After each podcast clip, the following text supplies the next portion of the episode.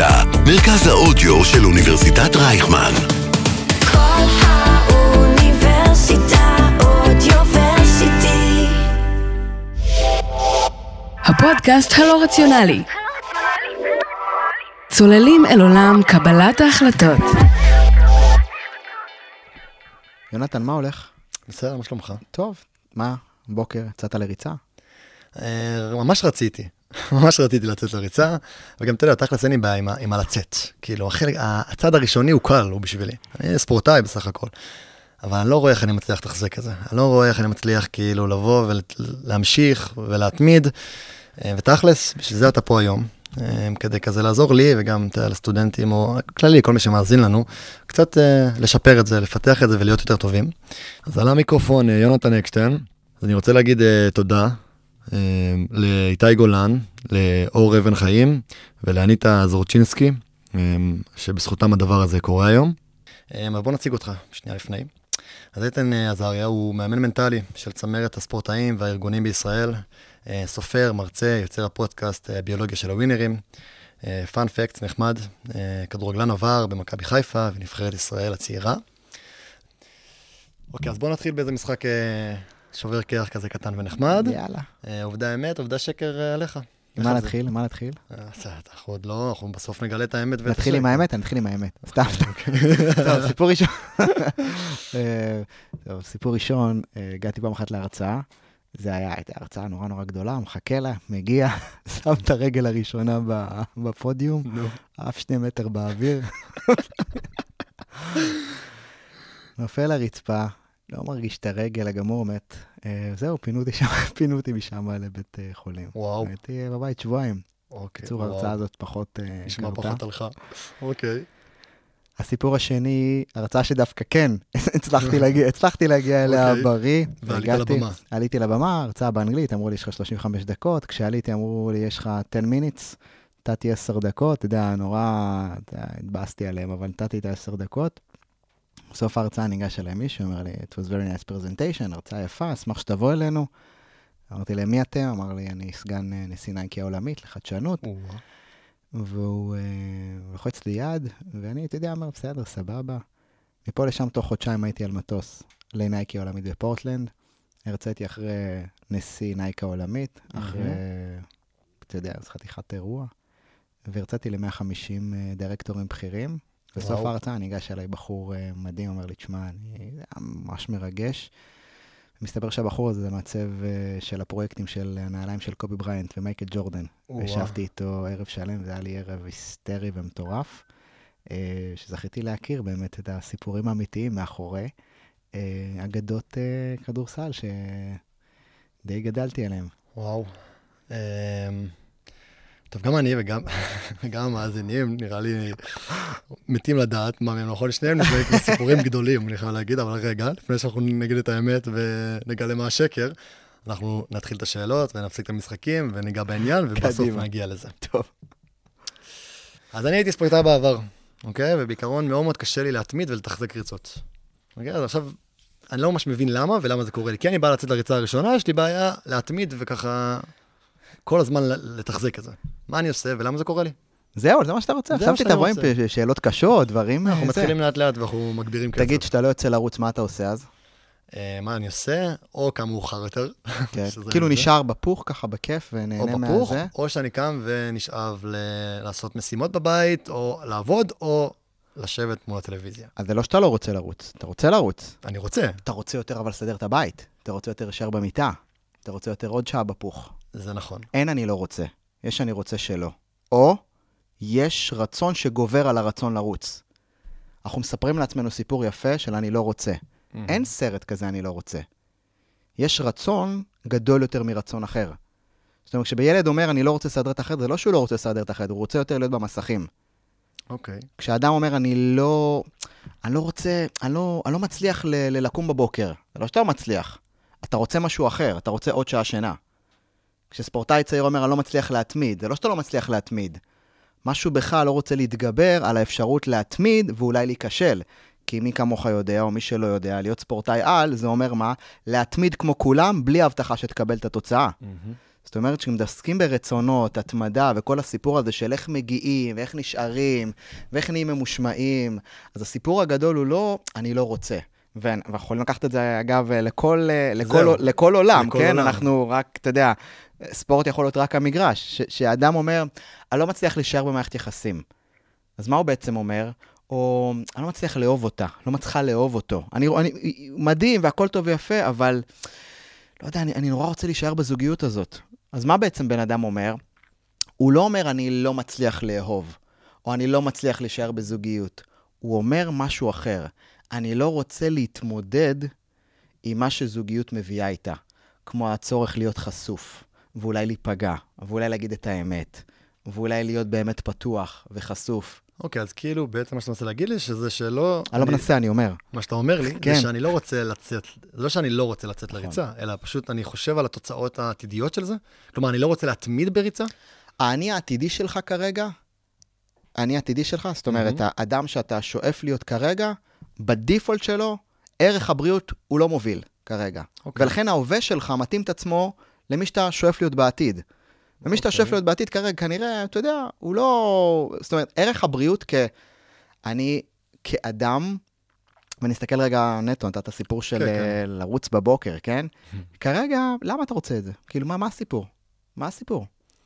אמ, אין סיפור טוב. אין סיפור טוב. ואם אין לך סיפור טוב יותר גדול מעצמך, אז יום אחד תקום, יום אחד לא. אם יהיה לך סיפור טוב, אם יהיה לך איזשהו מניע פנימי גדול יותר, ואולי על זה נדבר, לגמרי. אף אחד לא יזיז אותך. פגישות, עניינים, קפה, כלים, כוסות, אה, דייטים, אה, אה, פגישות עסקיות, זה לא יזיז לך. למה? כי מה שמניע את רוב האנשים היום זה מניע חיצוני. מניע חיצוני זה אני רוצה תוצאה, וכשאני אשיג את התוצאה, אז משמע אני אגיע. מניע שזה חיצ- חיובי או שלילי? מניע? חיצוני זה לא דבר רע, זה אומר שכדי להרגיש אה, מוצלח, ראוי, כדי להישאר בהתמדה, אני צריך תוצאה חיצונית. אני צריך לייקים, פרסום, כסף, כבוד, הערכה. כי אני אגיד לך משהו, אם תהיה לך תחרות טובה, אתה תקום כמו, כמו מלך כל בוקר. מהמם. איזו תחרות, תחרות לנגד עיניך, עם איזשהו יעד קרוב, יעד פומבי, יעד שאיך אומרים, אפשר להגיע אליו, אה, יש עליו אה, עיניים, הסתכלו עליו. עכשיו, אתה יודע, זה לא צריך להיות עכשיו המרתון הבא, ואתה מחייך, אז אתה, כן, אתה כבר. חושף את הזה. ואם אני אשים לך יעד מול העיניים, שהוא יעד פומבי, אתה כמו גדול תקום, למה? כי יש איזה משהו שידחוף אותך. זה עדיין לא אומר שזה יעד חזק מספיק, כי עדיין הוא נקרא מניע חיצוני. מניע אוקיי. חיצוני זה אומר שאני זקוק לתוצאה כדי להיות מתודלק על הבוקר. זאת אומרת, משהו מניע אותי. אגב, זה לא רע. זהו, אבל זה לא נשמע לי רע, נשמע משהו שהוא לגמרי חיובי. לא רע, וזה אחלה חיובי, הוא לא מחזיק אבל מים. זהו, לטווח קצר. לגמרי. אם גבר או נערה רוצים לשחרר משקל כדי להגיע ולהיכנס חטובים לבגד הים בקיץ, מהמם. אוקיי? זה אחלה מניע עד הקיץ. הם אוקיי. ייכנסו מעולה לשמלה, לחתונה, לג'ינסים, המידה שהיא לא הייתה, אותו חבר שנכנס לחדר כושר ומפמפם כל היום, הוא יגיע לים עם ריבועים. אתה יודע מה יקרה בחורף? אתה יודע בדיוק. אני יודע, אני יודע מה אוקיי? יקרה בחורף. אז הסיבה היא שהמניע החיצ- המניע החיצוני, זאת אומרת, בכל פעם שתוצאה חיצונית היא מה שמקים אותי בבוקר, אני ככל הנראה אהיה בדרייב מטורף ואולי אשיג את התוצאה. אתה תנצח, אוקיי. אבל אתה לא תחזיק את זה לאורך זמן. ופה נכנס המניע הפנימי, שהוא משהו גדול יותר מהתוצאה. איך אני מייצר מניע אה, פנימי? אתה רוצה את זה ישר כבר? על תחילת תשמע, הפרק? אין בעיה, אני אלך איתך. תלך איתי, חשבתי. תעשה איתי חימום, משהו, תבנה, אבל אין בעיה. התחממנו. אנחנו כבר בפנים, בריצה, בסדר. אוקיי. קדימה. איך אני בונה מניע פנימי? את קיפצ'וגה, אתה מכיר? אליוט קיפצ'וגה, אתה מכיר את האצן הזה? האמת שלא. אלו קיפצ'וגה היה, אתה יודע, ילד שרץ אה, בקניה, שלושה קילומטר לגן, אה, לגן, אתה יודע, לבית ספר, חמישה קילומטר חזרה, אתה יודע, גט טקסי לא היה שם, וולט זה לא הסיפור בקניה. והוא היה רץ את זה, והוא היה רץ חמישה קילומטרים, ובאמת אה, שבר שיאים, עד לתקופה שהוא כבר הפך להיות באמת אצן ואתלט מעולה. באולימפיאדת, אה, בלונדון, אם אני לא טועה, הוא לא נכנס לאולימפיאדה בריצת חמישה קילומטר, שזה היה לו, אתה יודע, כאב נורא נורא גדול, בכל זאת, אתה רץ קנייתי, אתה אמור להיות מהתותחים. long story short, הוא חזר הביתה ושאל את עצמו שאלה נורא גדולה, רגע, אולי, אולי, אולי משהו צריך להשתנות. והוא עשה מעבר מריצת חמישה קילומטרים למרתונים, ובמרתונים הוא התפוצץ. והוא נהיה באמת וואו. אחד, ה, אחד התותחים, הוא באמת, הוא לקח כל, אה, כל מרתון אפשרי, ובאולימפיאדה, אם אני לא טועה, ש... אני לא זוכר באיפה זה היה, אבל הוא עצר את השעון בשתי... בשעתיים F 23 שניות למרתון. רק שתבין, זה מהירויות של באזור ה-17 שניות ל-100 מטר, 42 קילומטר. זה לא נורמלי. זה לא נורמלי, זה, זה לא היסטרי, נורמלי. אבל היכולות שלו והבסיס הפיזי שהוא בנה באמת היה היסטרי. ואז נייקי יצאו עם ה challenge, מכיר? של? sub 2 hours, לרוץ מרתון בפחות משעתיים, אה, והם אוקיי. בנו חתיכת... אה, בנו חתיכת מהלך כדי לגרום לזה לקרות. נכון, התנאים היו יחסית סטריליים, כן. הם רצו במגרש, אה, במגרש, הם רצו במסלול פורמולה אחת, וקפצ'וגי יצא למרוץ ועצר את השעון גם על שעתיים ועשרים שניות, או בקיצור, הוא עצר את השעון, איך אומרים, על הרבה יותר משעתיים. עכשיו, מהמם. על הנייר, אם מה שמניע אותך זאת התוצאה, טכנית, אחרי כזה מרוץ שהתכוננת אליו שנים, אתה, אתה אמור אולי לפרוש, טוב, בסדר, רצתי את המרתון, הגעת לתוצאה. הגעתי לתוצאה, סיימת את וסיימתי את הסיפור, ואני די כאילו במקום שבו, טוב, אולי אני אנסה עוד פעם, לא, אבל טוב, אולי עוד שנה, שנתיים ננסה עוד פעם את הדבר הזה, כי להתכונן לאירוע הזה זה חתיכת הכנה. לגמרי. והוא במרכאות כשל, כן, איזה אפס, אה? רץ, רץ מרתון רק בשעתיים 23. לוזר לגמרי. אגב, ו... אבל כששאלו אותו, למה אתה עושה את מה שאתה עושה? אז הוא אמר שהוא רץ מרתון לא כדי אה, לנצח במרתון, הוא רץ מרתון כדי להוכיח שאין גבולות למין האנושי. הוא רץ כדי להוכיח ש-there is no human limits, וזה אחד הסלוגנים. כמובן שהפכו להיות, אה, בטח ב- בנייקי ובעולם, מהמם. ובגלל שמה שמניע אותך זה לא לרדת את המרתון משעתיים. מה שמניע אותך זה שאיזה ילד קנייתי יחווה את המסר הזה. ובין אם אין לו לימודים ואין לו אינטרנט, משהו בתוכו יגיד, אבל אין גבול לפוטנציאל האנושי. מדהים. מה שמניע אותו זה שלא משנה אם יש לך חינוך או אין לך חינוך. מה שמניע אותו זה בעצם שלא משנה איפה הוא נמצא, הוא לא אצן. הוא לא אצן. הוא אפשרות למימוש פוטנציאל לאנשים שחושבים שהם גמורים, שהם מוצר מוגמר של החיים. וכשמה שמניע אותך זה לא לרוץ מרתון בפאקינג פחות שעתיים. מה שמניע אותך זה להיות אפשרות, להיות הזדמנות לאחרים.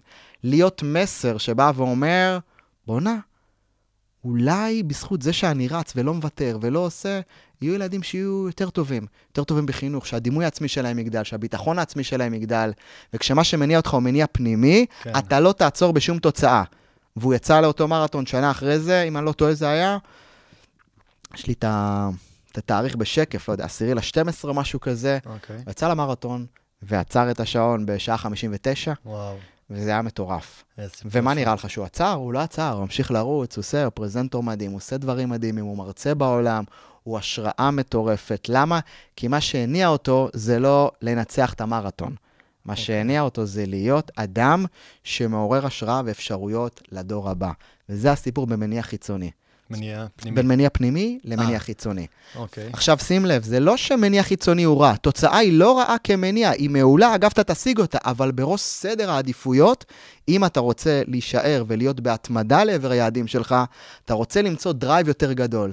אם המטרה שלך היא לעשות תואר, סבבה, אז אתה תעשה תואר. זה תואר, תסיים אותו. תסיים אותו. אם המטרה שלך אבל היא להיות משהו גדול, שחלק מהתחום של המשהו הגדול הזה זה התואר שעשית, אז התואר לא הופך להיות התוצאה. התואר הוא תוצר לוואי של משהו גדול יותר. הוא כאילו חלק מהדרך שלי. הוא חלק מהדרך של משהו גדול, ואז אם אתה נכשל באיזה מבחן, לא נורא, לא קרה כלום. ואם אתה גם מקבל uh, ציון גבוה, זה לא הופך אותך, זאת אומרת, זה הופך להיות סוג של אחד השלבים בסולם למשהו גדול יותר שאתה צריך לעשות פה ב- ב- ביקום הזה. וזה נראה לי אחד הדברים שכשאנחנו רואים למה אנשים מקבלים החלטות שמחזיקות לאורך זמן, או מה גורם לאנשים להתמיד לאורך זמן, זה כי הם יצרו איזשהו בירור פנימי ברצונות שלהם לגבי למה אני עושה את מה שאני עושה. אם עשית תואר כדי להצטלם ולהראות את עצמך באינסטגרם ולהראות את הכובע ולהעיף אותו ואת הגלימה, דקה אחרי זה, כן, תוצאה שקיבלת טווח קצר, סיימת סיפור. ברמה, ברמה הרוחנית זה נקרא למלא תשתיות של חוסר. קיבלת תוצאה, אוקיי. נהנית מהכפיים של הקהל, חווית איזושהי חוויית אושר נורא נורא, נורא נורא חזקה. לזכות בהישגים זה מדהים. כן, זה גם בדיוק. להגיע ליעדים זה מטורף. לגמרי. יחד עם זאת, אם זה מה שמילא אותך ההישג, זה נקרא אושר שלילי. זה פסגה שמביאה איתה ייסורים. אתה נהנה שנייה, ואחרי דקה מתמלא עוד פעם במה? בחוסר. של מה? של עוד פעם אני צריך תוצאה חיצונית שתמלא אותי. עוד תואר, עוד מחמאה, עוד לייקים, עוד פידבק, עוד זה. זה למה האנשים משיגים יעדים ומתוסכלים מהחיים. הבנתי. כי התשתית שממלא אותם זאת התוצאה החיצונית ולא משהו גדול יותר. כאילו, אני מת לשאול אותך על... אז תשאל, אל תזה, אתה גם ככה הלכת... כן, בגלל זה אני, אני כאילו מתלבט אם עוד, להתעמק בזה, כי כאילו בא לי לשאול, אני מסתכל על עצמי, אני אומר לעצמי, אוקיי, אני, אין לי כרגע ילד קיינת, ילד מקניה שאני רוצה שיהיה לו, אה, לשמש לו כהשראה. לפעמים הדברים בחיים, ההחלטות אפילו בחיים, או לצאת לרוץ הזה, איך אני מוצא את המניע הפנימי לזה? כאילו, אני אומר לעצמי, זה לא שאני רוצה לשמש השראה, או יש לי איזה חלום להיות אצן. אני רוצה, תכל'ס אני פשוט רוצה לרוץ. כאילו, בא לי קצת לרוץ, בא לי קצת להוריד במשקל, בא לי קצת להיות בכושר, בא לי קצת להיות יותר בריא.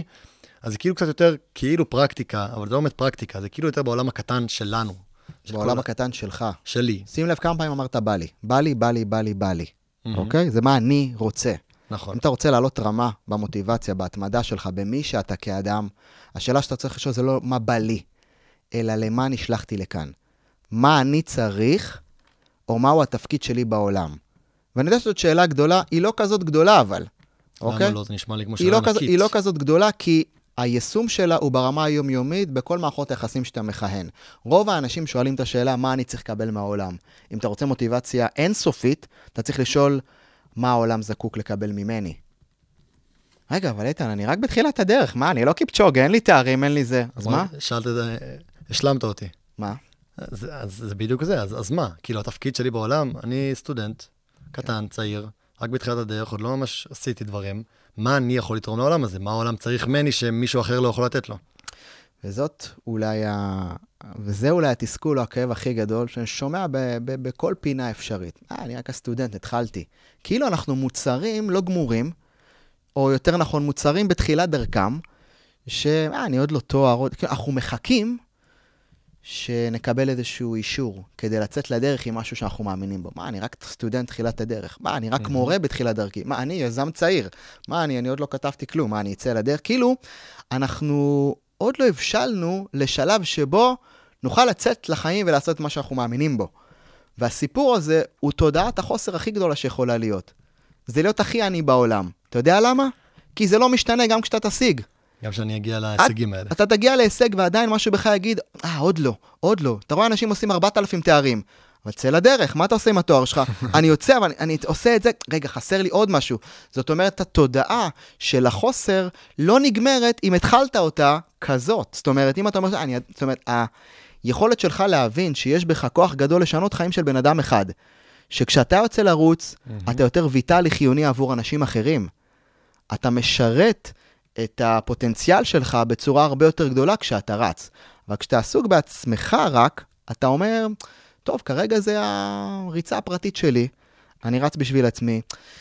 אם תהיה איזה תחרות, אני אגביר קצב. אם אני אעלה קצת במשקל, אני ברור שאני אצא למה אני רוצה. אם אני ארגיש קצת עייף, אני אצא, כי אני יודע שזה, זאת אומרת, כשכל הזמן העיסוק הוא נטו באינטרס הפרטי שלך, אז כשתהיה איזה תוצאה לנגד עיניך, אתה תצא כמו גדול לרוץ, ואתה תהיה... סליחה שאני נופל עליך פה, אבל אתה לא, התחלת. זה המטרה, ברור, אה, לגמרי. אבל הרעיון הוא להסתכל על מהו המניע שכשאני אפעל מתוכו, אני לא אעצור באף תוצאה. אגב, למה הקטע הזה חשוב? כי דיברנו פה על התמדה. כן. נדבר גם על התמדה אחרי, אחרי שאתה משיג יעדים. אנחנו רואים הרבה, וניקח את זה דווקא מעולמות הבידור. אתה רואה הרבה, עולמות הבידור, עולמות ה... ה...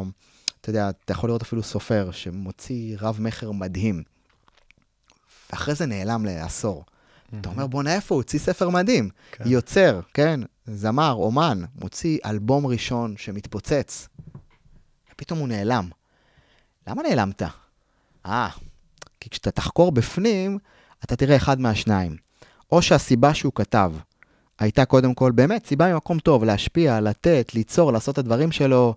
בפנים אבל אתה רואה סיפוק שנבע מהתוצאה, הוא קיבל כפיים, הוא היה בלא מעט הופעות, הוא נהנה מהדבר הזה. אז הוא קיבל את הסיפוק שלו. הוא כאילו. קיבל את הסיפוק, ומה שמניע אותו עכשיו זה לא לדפוק את הטייטל שהוא יצר לעצמו באלבום הראשון המוצלח. Mm, אוקיי, הפחד מהציפייה הזאת. אז הסינדרום הדיסק השני, סינדרום האלבום השני, סינדרום הספר השני, סינדרום ה-X השני, מהמם. הוא בעצם אותו מקום שבו אתה מגלה שאנשים עשו את מה שהם עשו כדי ליהנות מהתוצאה עבור עצמם. אבל אם יש לך טקסטים מעולים, אם אתה יכול לשנות חיים של אנשים במילים שלך, אם הספרים שלך יכולים באמת לגעת באנשים, למה אתה עוצר? אתה עוצר כי אתה עסוק כרגע בתדמית ובטייטל שמנהל אותך.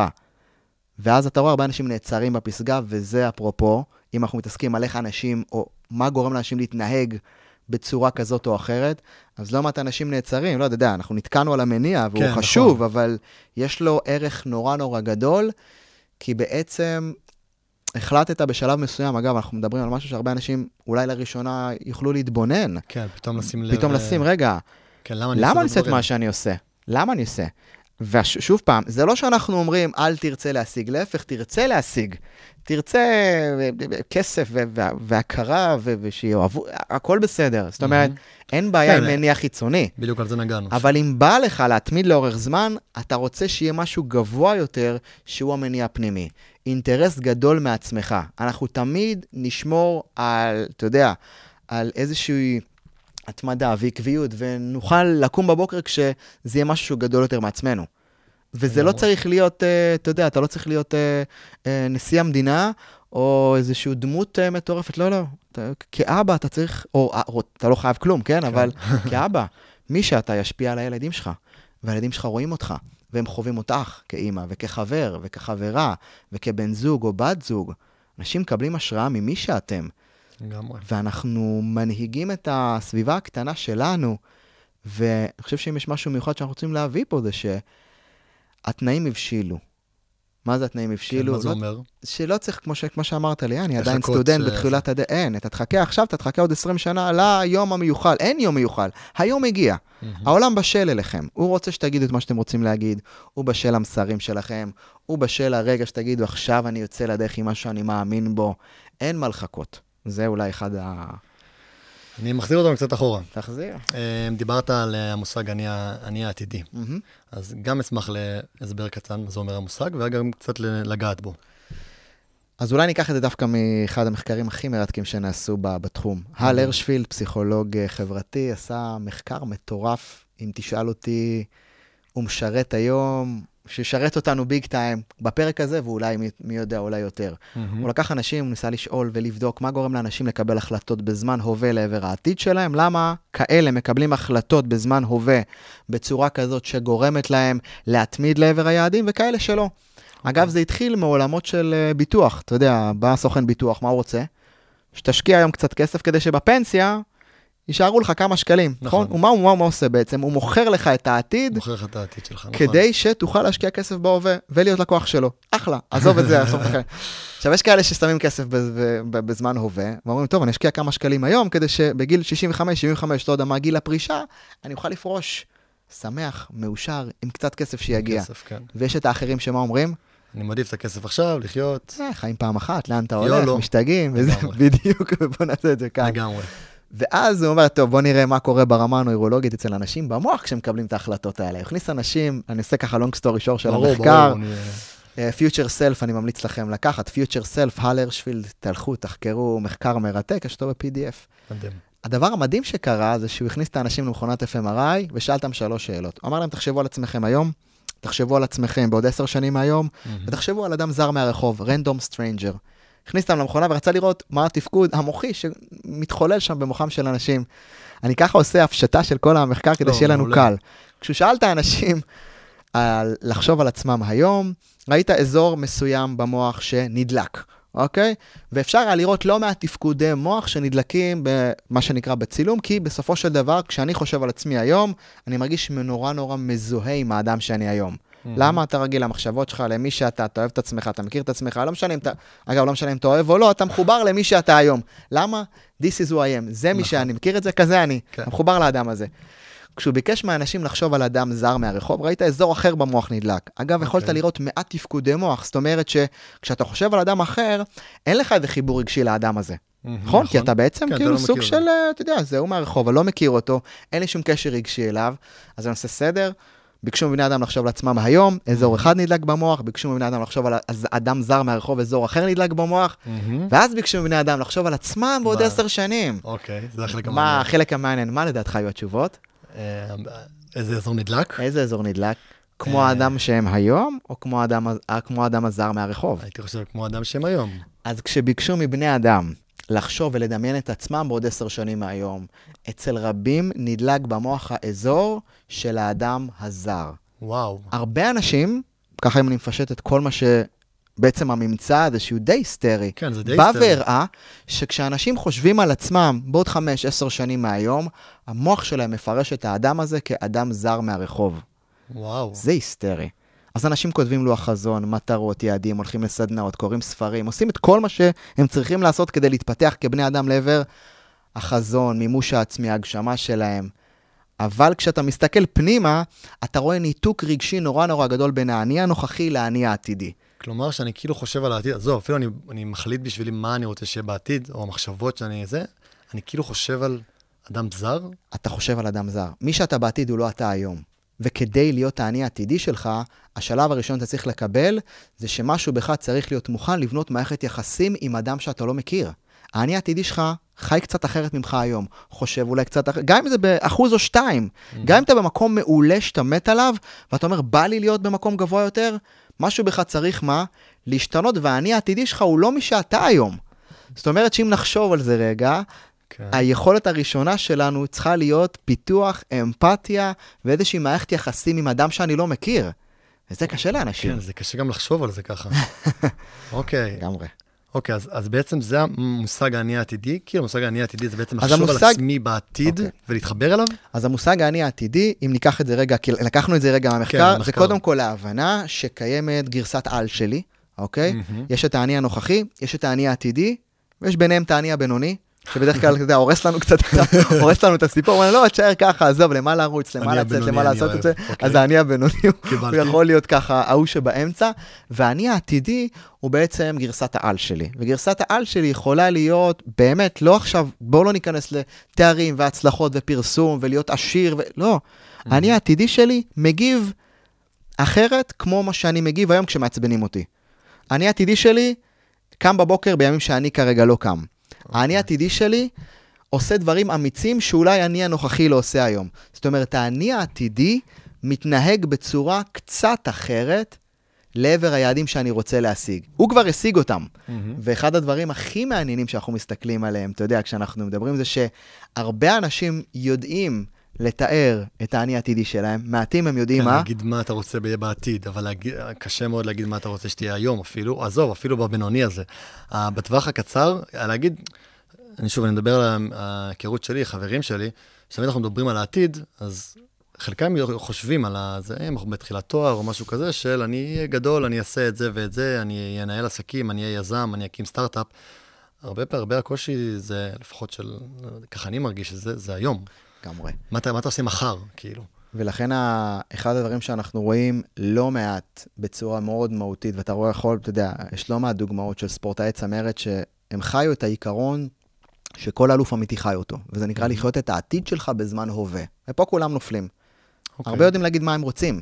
מעטים מאוד מהם יודעים מי הם צריכים להיות היום בדרך לאדם הזה.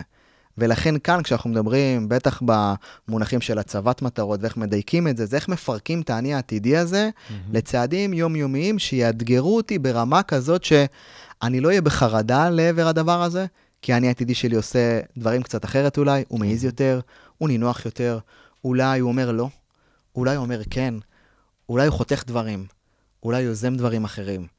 והסיפור הגדול פה הוא איך אני בעצם שנייה רגע לא נבהל ממנו, כי הוא אור גדול, האני העתידי. מהמם. הוא שיא הפוטנציאל שלנו. ואנחנו צריכים לאט לאט לצעוד אליו בצורה מאוד מאוד מבוקרת, נינוחה, לכן, אתה יודע, כל הכלים שאנחנו מתעסקים בהם היום, הם בעצם איך אנחנו מצ- מצליחים לבנות תוכניות עבודה, ואמרת את המשפט הכי נכון, איך אני חי ביום-יום שלי את האני העתידי שלי צעד אחר צעד. וזה הסיפור, ואתה צריך להתיידד איתו. אתה עם. האני העתידי עם הזה. האני העתידי שלך, עם המעשים שלו. למרות שזה אדם זר. זה בדיוק הסיפור. ואתה יודע מה האימון הכי טוב להכיר את האני העתידי שלך? הם? זה להתחיל להיות אמפתי לעולם ולאנשים אחרים. האנשים הזרים. כי בעצם מה אמרתי פה? אמרתי פה משהו די הזוי. אמרתי שהאני העתידי שלך, זאת אומרת, מי שאתה רוצה להיות בעתיד, הוא אדם שאתה עדיין, איך אומרים, פחות מכיר, או שהוא חי חיים קצת אחרים ממי שאתה חי היום. ושים לב, לא אמרתי עכשיו, אמרתי דברים, בדברים הקטנים. אולי הוא קם יותר מוקדם, אולי הוא מרשה לעצמו להגיד לא למקומות שהיום אתה מרצה ואומר כן, אולי הוא פחות מודאג ממה אחרים חושבים ואתה כן, אולי האני העתידי שלך בוחר ללכת עם האמת שלו למרות שאחרים לא אוהבים את זה. והחלק המעניין פה הוא שאנחנו רוצים להתחיל לראות, רגע, שנייה, רגע, איך אני יכול להתחיל לחיות אותו כאן ועכשיו היום, בצורה יחסית מבוקרת, ואז אתה פתאום קולט שבואנה, הדרך אליו היא הרבה יותר, היא פחות, פחות מאיימת ממה שחשבתי. פחות מפחידה. כן. והכל במטרה שבסוף גם נגיע לנקודת שיא שלנו. כל האוניברסיטה אודיוורסיטי. כל האוניברסיטה, מרכז האודיו של אוניברסיטת רייכמן. כל האוניברסיטה איך אני באמת מגיע לנקודת שיא, חוץ מהעניין של ה... מה זה חוץ? אולי זה הדרך העיקרית, זה באמת זה, שכאילו ל- ל- לייצר אה, אמפתיה גם אה, כלפי האני העתידי שלך, ולנסות להיכנס לעיניים שלו ולהיות, לתכנן איך אני מתקרב אליו, ואיך אני נותן לו מקום, ואיך אני משתלב בחי... בחיים היומיומיים, היומיומיים שלי. אז כשמדברים על נקודת שיא, זה... ואם אני ככה, אני מניח שאתה מדבר על פיק פרפורמנס ועל להיות בנקודת השיא של הביצוע שלך, אז נקודת השיא נקודה שבעולם הספורט נחקרת בצורה הכי קלה בעולם. אוקיי. כי אתה רואה בעין, אתה רואה מתי ספורטאי בזון שלו, כן? אתה רואה מתי הוא בפלואו שלו, אתה רואה מתי הוא קולע בלי לראות ממטר, או שהוא באיזשהו אה, אה, מצב מנטלי שיכולים להיות מיליון איש גם, וזה לא מזיז לו, הוא שם. זהו, אבל גם זה משתנה, לא? כאילו גם, כאילו גם, אני מאוד, מאוד אוהב את עולם הכדורסל, אבל זה באופן אישי שלי, שפעם הגילאי אה, שיא היו ב-26, 27, אפילו 28, היום שחקנים אה, 20 ו- אה, 32, 33, הם פתאום יש להם איזה עוד פיק נוסף אה, שכזה משנה את כללי המשחק. אז אני, אני חושב שכשמדברים על, אה, על נקודת שיא, מהמם. אני חושב שהעדשה הנכונה להסתכל על איך להיות בפיק פרפורמנס זה לא בין כמה אתה, אלא האם אתה יודע לייצר חוויית נוכחות בתוך הרגע בצורה הנכונה. אני אסביר. אה, הצעדים הראשונים שאתה לומד, כשאתה לומד על פיק פרפורמנס ועל ביצועי C, אתה תמיד לומד את הקשר בין עוררות לביצוע, כן? עקומת יורקסן דוטסון באה ומראה שיש קשר מאוד ישיר בין רמת העוררות, אם נחליף את המילה עוררות בלחץ, תקבל את אותו דבר. אוקיי. יש קשר בין לחץ לביצועים. מה הקשר? מאוד פשוט. תלחיץ בן אדם לפני מבחן שהוא לא למד, אתה תקבל ממנו מה? אתה תקבל בן אדם ביצועים? גבוהים יותר, זאת אומרת, אה, יותר. גבוהים? כן, תלחיץ בן אדם, תגיד לו, תשמע, יש מבחן, לא למדת, אתה תלך תראה אותו לומד. אה, אוקיי, אוקיי, אוקיי. עד לנקודה שיום לפני מבחן, אם אתה תמשיך להלחיץ אותו, אתה תקבל מהבן אדם חרדה מטורפת. זאת אומרת שכבני אדם אנחנו נמצאים בין, בוא נקרא לזה אפתיות, ישנוניות מטורפת בצד אחד של הסקאלה, לחרדה, פאניקה, כאילו אתה, אנשים שמאבדים את זה בצד השני. זאת אוקיי. אומרת, אם נסתכל רגע על המושג לחץ, לחץ הוא לא האויב. לחץ הוא אחד, אולי ממקורות האנרגיה הכי טובים בעולם, לייצר אצל בני אדם חוויית שיא. חוויית שיא משמע ביצועים והתנהגות מעולה לעבר המטרה. יחד עם זאת, הלחץ צריך להיות מבוסת בצורה נכונה. אוקיי, שזה אומר. שזה אומר שלכל אחד מאיתנו יש נקודת או דרגת לחץ, שבנקודה הזאת אנחנו נמצאים בביצוע מקסימלי. החוק לפיק פרפורמנס, הוא אומר עוררות אופטימלית תוביל אותך לביצוע מקסימלי. והנקודה שאותה אנחנו רוצים להשיג, להגיע ולהיות בה, היא נקראת IZOF, Individual Zone of Optimal Functioning. מהמם. מרחב העוררות האופטימלי. מה שעבורי הוא מרחב העוררות האופטימלי, אני צריך שיעצבנו אותי כדי להיות בשיא. תעצבן אותי קצת, אתה תקבל פרק יותר טוב, הנה רמזתי לך. תדליק אותי, תאתגר אותי, תקבל פרק יותר טוב. יש אנשים אחרים שתאתגר אותם, תדליק אותם, הם יאבדו את זה. יש ספורטאים שצריכים, איך אומרים, אם אין להם 40 אלף איש בקהל, הם לא, אתה יודע, מצד שני, יש כאלה שרק ההורים שלהם בקהל הם בלחץ, אוקיי? יש סטודנטים שאתה תראה אותם במבחן, תלמיד אחד יוצא כי הוא סיים את המבחן והם איבדו את זה. ויש סטודנטים שזה לא יזיז להם. זאת אומרת, לכל אחד מאיתנו יש את הסוויט ספוט הזה, את הנקודה, אתה יודע, הנקודה המתוקה הזאת, שכל אחד מאיתנו צריך לגלות ולזהות מהי אותה רמת עוררות, או נחליף, רמת לחץ, מהמם. שברמת הלחץ הזאת הוא יהיה בתפקוד המקסימלי שלו. רק אז יש שאלה שכנראה שאין לך תשובה עליה. אני מקווה שעכשיו זה קצת עצבן אותך. והשאלה זה איך מוצאים את הנקודת לחץ הזאת. מבינה? איזה קטע. ענית פה ככה, מסמנת לנו. כן, כן, זה טוב מאוד. מצטער לבאס אותך, גם לזה יש לי תשובה. איי, איי, איי. אבל התשובה הזאת היא של המתאמנים, שלנו כבני אדם. מהמם. אם אפשר לקחת את העקרונות הבסיסיים לאיך להיות בזון שלנו, אז תמיד קל נורא לקחת להצבת מטרות.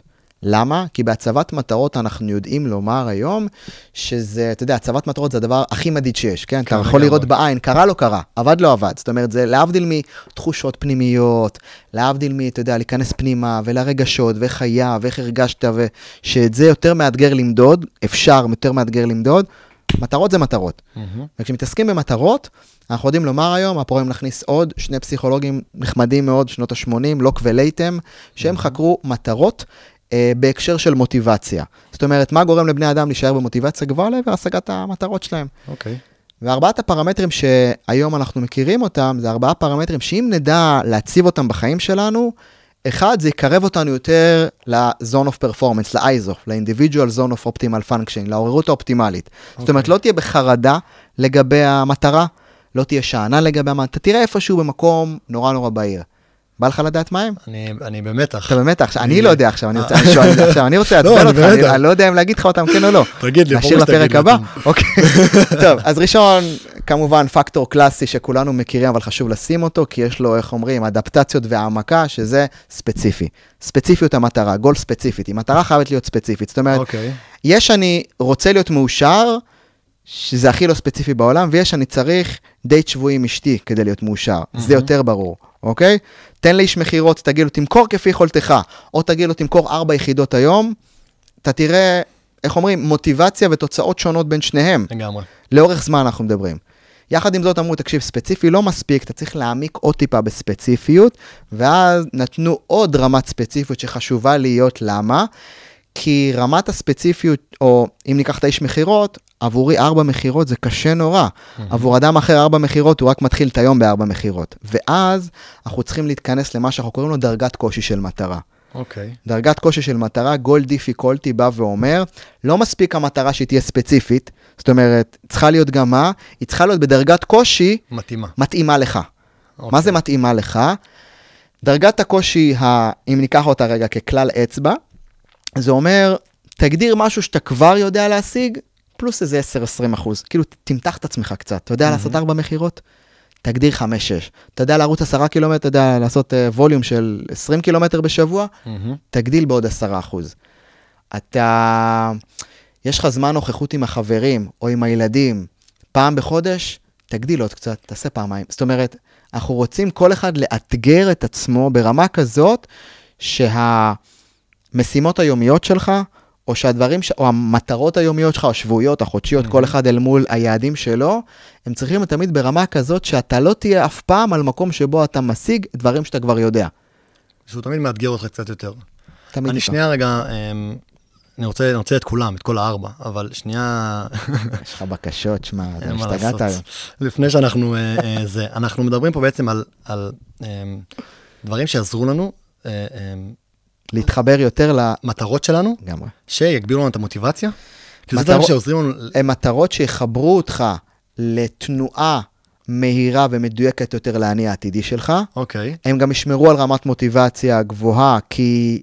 לאורך זמן, כי שים לב, אפילו אם ניקח את הספציפיות, אם אתה לא ספציפי, אתה לא יודע אם אתה בכיוון או לא. נכון. וגם אתגר, זה אחד הדברים הכי מוכרים למוטיבציה. לגמרי, אה, זה. לגמרי. אוקיי, בוא נמשיך. אז השלישית, היא באה ואומרת, גול פרוקסימיטי, קרבת המטרה. אם הראשון זה ספציפי, השני, תגדיר את זה ברמת קושי בריאה לך, זאת אומרת שזה לא קשה מדי ברמת תסכול, לא קל מדי ברמת אה, קלילות, שזה כאילו קטן עליך. לגמרי. השלישי בא ואומר, תדאג, ופה נכנס, איך אומרים, האני העתידי, תדאג שבעצם יש קשר בין המטרות המיידיות שאתה רוצה להשיג למטרות העתידיות. מהמם, אז אוקיי. בעצם, שם, אתה יודע, שמו לב שהקומבינציה המושלמת להצבת מטרות ברמת הטווחים, זה שאתה יודע שהלקום בבוקר שלך לרוץ, מתקשר ל... מתקשר זה. למשהו גדול יותר בעתיד. הבנתי, עכשיו, אנחנו הכנסנו בתחילת הפרק את המניע הפנימי והחיצוני, נכון. אוקיי? ב... אתה יודע, ב... במחקר הקלאסי, לא יודע, לא ראיתי שם משהו על דרייברים של מניעים פנימיים וחיצוניים, אולי יש, אני, לא משהו שאני ראיתי, מהמם. אבל ככל שהמעשים היומיים שלך קשורים ל vision גדול יותר, שהוא גדול ממך, זאת אומרת, אתה יוצא לרוץ בבוקר,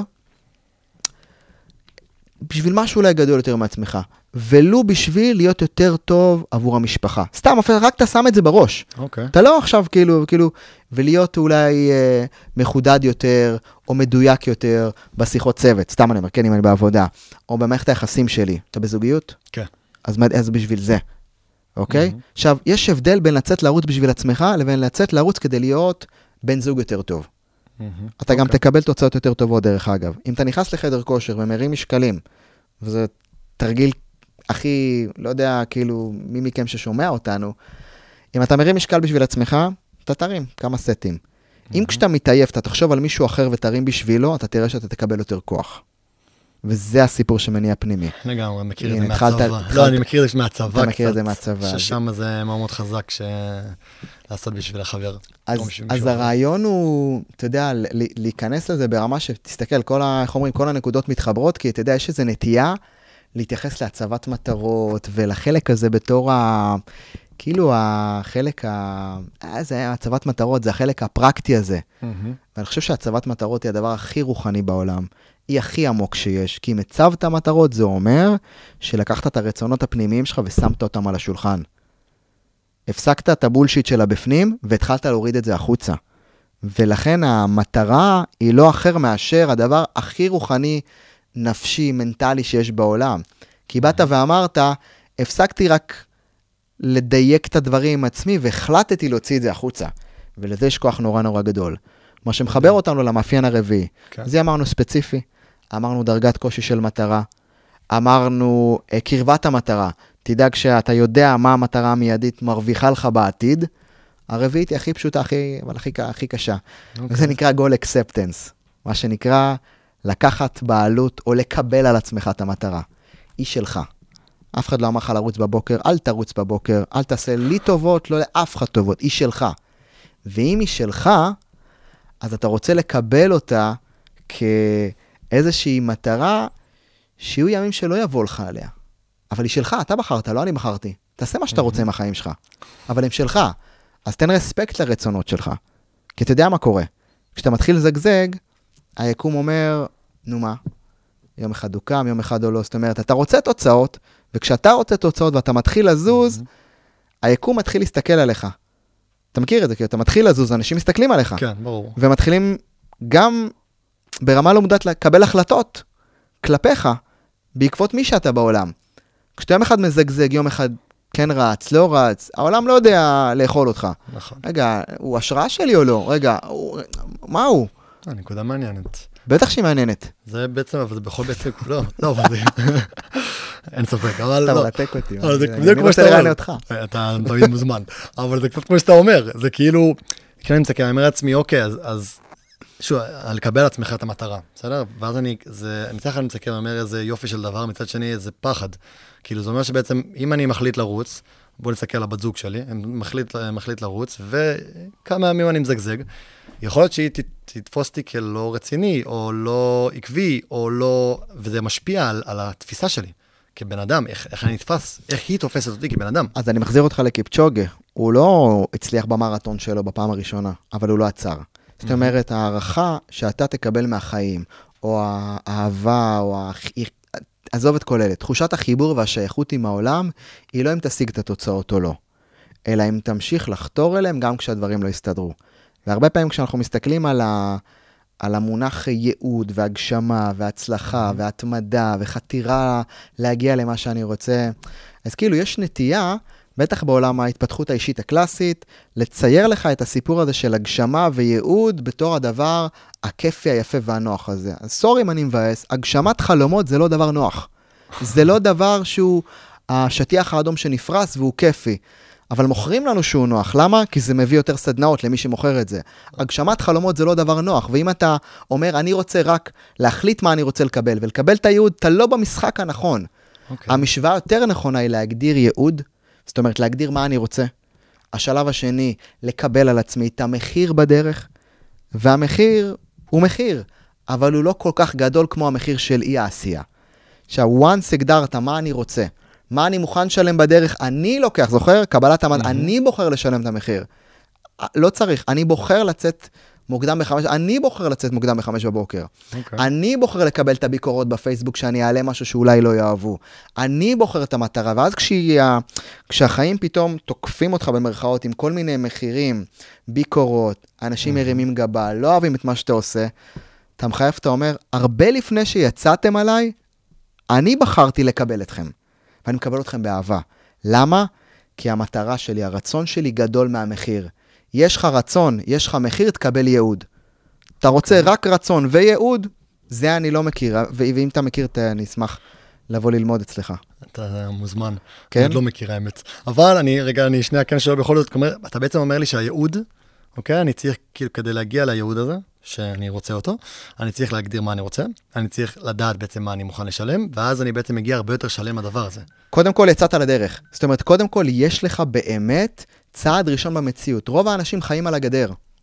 הם אומרים, הנה מה שאני רוצה, וכשהעולם יתחיל להסתדר, אז אני אדע שאני בדרך, ואז אני אצא החוצה. זה המחיר של ה-SEA הזה שאתה מדבר על זה? מה שאני מדבר כרגע, זה על, בדיוק על אותם אנשים שאומרים, טוב, כשהעולם יותר יסתדר, כשהקורונה תסתיים, כשהשוק שאני מאמין בו יתחיל להתהוות ולהיות יותר, אז אני אצא עם העסק שלי החוצה, עם הרעיון שלי החוצה. זה בדיוק מה שלפני שנייה דיברנו עליי כסטודנט וזה, אז זה כאילו, אתה- אוקיי. בסדר, הבנת. את- הרמז. הבנתי את הרמז. אני על זה. טוב, אז דיברנו um, על דיסוננס קוגניטיבי, דיברנו גם על אני עתידי, um, דיברנו על אימון מנטלי, uh, קצת נקודת השיא. בואו קצת uh, נפרט על עוד פרקטיקה, נראה קצת עוד, עוד לפרקטיקה. Um, חוזר קצת לעולם הספורט. Um, איך ספורט יכול לעזור לי בלימודים? בלימודים, בלימודים, ספציפית, בתור סטודנט.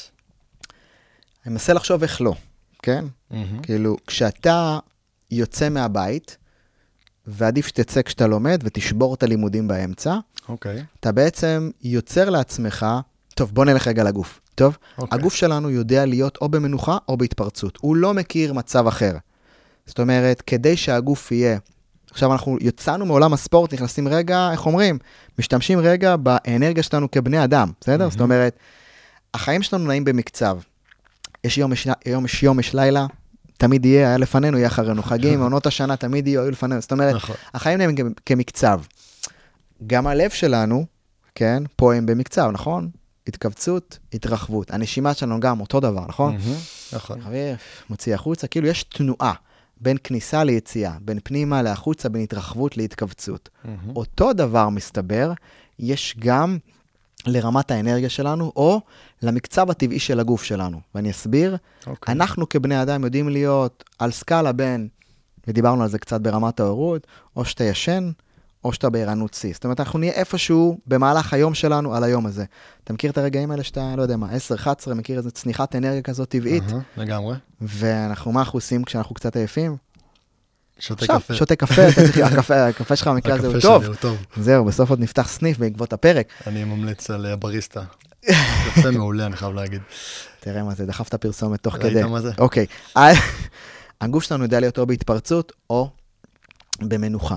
אוקיי. למה אני, למה אני אומר את זה? כי אם אנחנו רוצים להיות ברמת מיקוד תוך כדי לימוד, ובין אם אתה לומד למבחן, אתה צריך להגיש עבודה, מן הסתם, אנחנו רואים הרבה אנשים שנמצאים על המחשב, או על שולחן הלימודים, ספסל הלימודים, קח אותם לעבודה, אתה תראה בהייטק אנשים שעות על המחשב. פיזית אולי הם שם, מנטלית הם לא שם הרבה משעות היום שהם נמצאים. למה? כי כדי להיות ברמת עוררות, מיקוד, פוקוס, ערנות גבוהה יותר, אנחנו חייבים לשלב התפרצות והתחדשות לסירוגין. אני אסביר. אחד הספרים הכי טובים שנכתבו, אם תשאל אותי על פיק פרפורמנס, על היכולת שלנו להיות בערנות ומוטיבציה לאורך זמן, הוא נקרא כוחה של מעורבות מלאה, The Power of Full Engagement. ג'ימלר, טוני שוורץ, חקרו טניסאים, חקרו אנשים בעולם העסקים והספורט, ניסו לראות מה גורם להם להיות מוטיבציה לאורך זמן. אוקיי. ומה שהם ראו, בצורה הכי, אתה יודע, מעניינת בעולם, הם קראו לזה המקצב הטבעי של הגוף, שיש מקצב טבעי של הגוף שלנו, שאם אנחנו נדע לעבוד איתו, נהיה יותר זמן בערנות, מוטיבציה ופחות עייפים ובסטרס. מתאים לך המקצב הזה? נשמע טוב. מתאים לך לדעת אותו, כן? לגמרי. אנחנו עובדים הכי הפוך מהמקצב הזה. המקצב הזה נקרא המקצב האולטרידיאני. מה הוא אומר? הוא אומר שהגוף שלנו יודע להיות בסוג של ערנות, מיקוד, אה, נוכחות מלאה, עד אזור של ה-90 דקות. זאת אומרת שמראים ממש מה, איזושהי סקאלה של גל, שבו הנוכחות, הערנות, המוטיבציה, יותר נכון, המיקוד שלך והנוכחות שלך, תהיה ברמה גבוהה עד אזור 90 דקות. יש כאלה מרגע ש- שהתחלת לעשות את הפעולה כן, עצמה, כנס כאילו? למשימה עכשיו, תכתוב אימייל, כנס לאיזשהו, אבל שים לב, בלי הפרעה, כנס עכשיו לאיזושהי משימה, תהיה בתוך המשימה. היכולת שלך להישאר בה לאורך זמן, עד שאתה תתחווה איזשהו סוג של עייפות, סוג של דאון כזה, אם אתה מכיר את הרגעים האלה. היא באזור ה-90 דקות, אחרי 90 דקות, או פלוס מינוס גג עד 100-120 דקות, אתה תקבל סוג של עייפות ותחווה איזושהי צניחת אנרגיה, שהיא טבעית לגמרי. אוקיי. לא כי אתה עייף, אלא כי הגוף שלך לא יודע לעבוד מעבר לזה, והוא זקוק למה? להתחדשות. הגוף שלנו צועק לנו להתחדש. איך הוא מתחדש? איך אנחנו מחדשים אותו? כן, זה אנחנו... קפה מחדשים אותו. ופחמימות וסוכרים ועוד... עכשיו, אין בעיה עם קפה, אין בעיה עם פחמימות, אבל כשהכנסת את הפחמימה, את הקפה, את אותו דלק חיצוני, שהוא דלק שלילי, כדי להישאר בערנות, אתה תקבל spike חזרה של אנרגיה, אתה מכיר את זה? מהמם. אתה חוזר לעניינים, חוזר ללימוד, אבל אז מה יקרה? ה down יהיה... ה down יהיה הרבה- יותר מהיר, ואיכות ההתאוששות שלך תהיה יותר איטית. אוקיי. מה שבעצם אנחנו רואים היום, שהחיים שלנו צריכים לעבור ממרתון מתיש לסדרה של ספרינטים. מה זה אומר סדרה של ספרינטים? טכנית, אנחנו מנסים היום להרוויח זמן, נכון? כאילו, אתה- אנשים רוצים יותר כן, זמן, זמן זה זה- המשאב הזה, אבל המשאב זמן כמשאב הוא משאב מוגבל. למה? זמן הוא משאב חיצוני. כמה שאתה לא, אתן לך עוד שעתיים ביום, מספיק לך? לא. לא, אין, בכלל תן לא. לאנשים עוד כך יותר, לא תספיק. יחד עם זאת, אנרגיה זה משאב פנימי שהוא לא מוגבל. והרבה אנשים אומרים, אם יהיה לי יותר זמן, אני אספיק יותר, זה בולשיט. החיים, סליחה אם אני הורס להרבה אנשים, ניהול זמן הוא לא אופציה במאה ה-21. כל סדנאות ניהול הזמן, כל סדנאות הצ'קליסטים, מטרות, יעדים, אל מול טווחי זמן, הם די בעייתיים. לא כי אנחנו לא צריכים אותם, אלא כי גם בפחות זמן, אתה תראה אנשים שמנהלים את האנרגיה שלהם נכון, מספיקים יותר. אוקיי. זאת אומרת שאנחנו רוצים להפסיק לחשוב על ניהול זמן ולהתחיל לחשוב על ניהול אנרגיה. מה זה אומר ניהול בדיוק, אנרגיה? מה זה אומר ניהול אנרגיה? ניהול אנרגיה זה אומר שאתה רוצה לדעת לנהל את הנוכחות שלך בתוך הזמן, ולא לנסות להרוויח עוד זמן. המשמעות באה ואומרת, תעבוד פחות, אבל תעשה 90 דקות לימוד, חצי שעה מנוחה. 90 דקות לימוד, חצי שעה break. תשבור את היום שלך בברייקים, אולי טכנית הזמן לימוד שלך יצטמצם, איכות הלימוד שלך תגדל. אני אחזור על אוקיי. זה. אם עד היום בנית על ללמוד 10 שעות למבחן, תלמד 5. כשביניהם יש לך חצי שעה של ברייק התאוששות, שבו או שתצא להליכה, תצא לריצה, תעשה אימון משקולות שעה, תחזור. צא מהאזור שלך של הישבנות, צא ממנו. צא, תחזור, תעשה משהו שישבור לך את היום, מהמם. אתה תחזור טכנית חזק יותר מנטלית. זה נקרא, זה נקרא switching, switch channels, להחליף ערוצים. כי כשאתה לומד, אתה בפעילות קוגניטיבית אל מול אה, תוכן, ידע, סוג של אה, אה, מקצוע שאתה עכשיו צריך להיות במי- במיטבו במבחן. כשאתה יוצא לאימון עכשיו, אתה מפעיל מה? אתה מפעיל הרבה שרירים, אתה יוצא, אתה עושה איזשהו משהו אחר לגמרי שמפעיל טכנית מערכות אחרות. מהמם. כשאתה תחזור ללימוד, אתה תהיה הרבה יותר מה? מאושש. אגב, כשאתה תחזור אחרי הברייק הזה, כן. עדיף שאתה תעשה את הלימוד הכי קשה שיש, כי אתה תהיה נורא נורא חזק. סיכום. מה שמניע אותנו אה, היום, בעיקר, אה, הרבה מאיתנו, אה, זה מניע חיצוני. אה, שאלה שאנחנו צריכים לשאול את עצמנו זה בעצם למה אני עושה את מה שאני עושה, אה, ואז המניע הפנימי אה, הוא בעצם מניע יותר חזק, שיגרום לנו אה, להסתכל ולהציב מטרות אה, לטווח יותר רחוק. אה, חשוב אה, אה, להבין ולשאול מה התפקיד שלי בעולם, אה, מה אני יכול לתת לעולם הזה, ולא מה העולם נותן לי. להיות אמפתי לסביבה זה אחלה טיפ וחשוב וטוב. לחץ זה לא בהכרח דבר רע, אנחנו צריכים לדעת איך אנחנו מנצלים אותו לטובתנו ואיך אנחנו נעזרים בו. דיברנו על זה, העניין של מטרות, של מטרה ספציפית, של מטרה שהיא מאתגרת אותנו, אבל דרגת קושי שהיא נכונה לנו, ושיש קשר, אה, ולייצר קשר בין העתיד לבין ההווה. אה, ודבר אחרון זה העניין שבעצם לקבל את עצמך, כ... את עצמך, תקבל את המטרה על עצמך, כלומר שאתה מקבל אותה. אה, מבחינת הייעוד, אז אנחנו רוצים להגדיר את מה אנחנו רוצים, ואחר כך בעצם מה, להבין, להיות שלמים ממה שאנחנו מוכנים לשלם אה, בשביל הייעוד הזה.